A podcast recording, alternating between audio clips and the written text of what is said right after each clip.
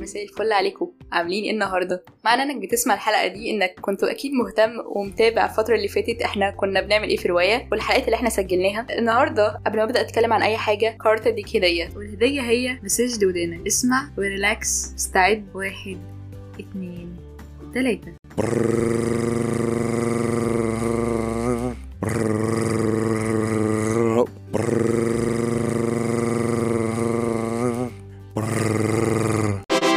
استمتعت؟ أكيد استمتعت الناس اللي أول مرة تسمع في الحلقة دي عن رواية فحب أقول لكم هي رواية ابتدت ليه. بصراحة الرواية ابتدت علشان حد لذيذ بحب أسمع الناس وبحب الناس تسمعني. بحب أتعلم من الناس وبحب الناس تتعلم مني. من هنا قررت أنا وأصحابي اللي إحنا نعمل بودكاست بودكاست ينقل تجارب وخبرات وتحديات الناس اللي حوالينا في المجتمع المصري. عشان تبقى مصدر إلهام ومصدر دعم لينا. في الوقت اللي إحنا بنبقى محبطين فيه ومش حاسين إن في أي حاجة كويسة حوالينا. لما بدأنا الرواية كنا بنحلم إن إحنا نوصل أصوات الناس اللي مش مسموعة. بس لما جه الكورنتين والكورونا كل أصواتنا اختفت ووحشتنا أصوات بعض. ساعتها بدأ حافز جديد يتولد جوانا. وعشان كده إحنا هنبدأ بداية جديدة. نتمنى إن هي تعجب.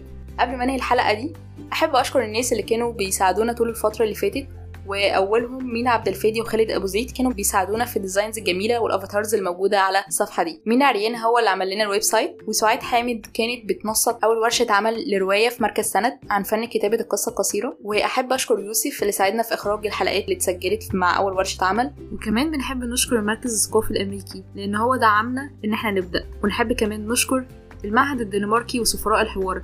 لأن هم وقفوا معانا كتير قوي عشان ينسق وننظم الأفكار بتاعتنا علشان تطلع بشكل واضح في الموسم الجاي. يلا رحبوا معايا بأبطال الرحلة الجديدة. اللي هتسمعوا صوتهم كتير الفترة الجاية. هيثم وأمينة وابانوب هيثم وأمينة وابانوب احفظوا اسمائهم كويس. لو حابب تشاركنا بأي آراء أو تعليقات أو أفكار أو أي حاجة ممكن تساعدنا في البودكاست أرجوك ما تترددش وابعت لنا على رسائل الصفحة. ولو عجبتك الحلقة دي ابعتها لاتنين من أصحابك. سلام. bye bye.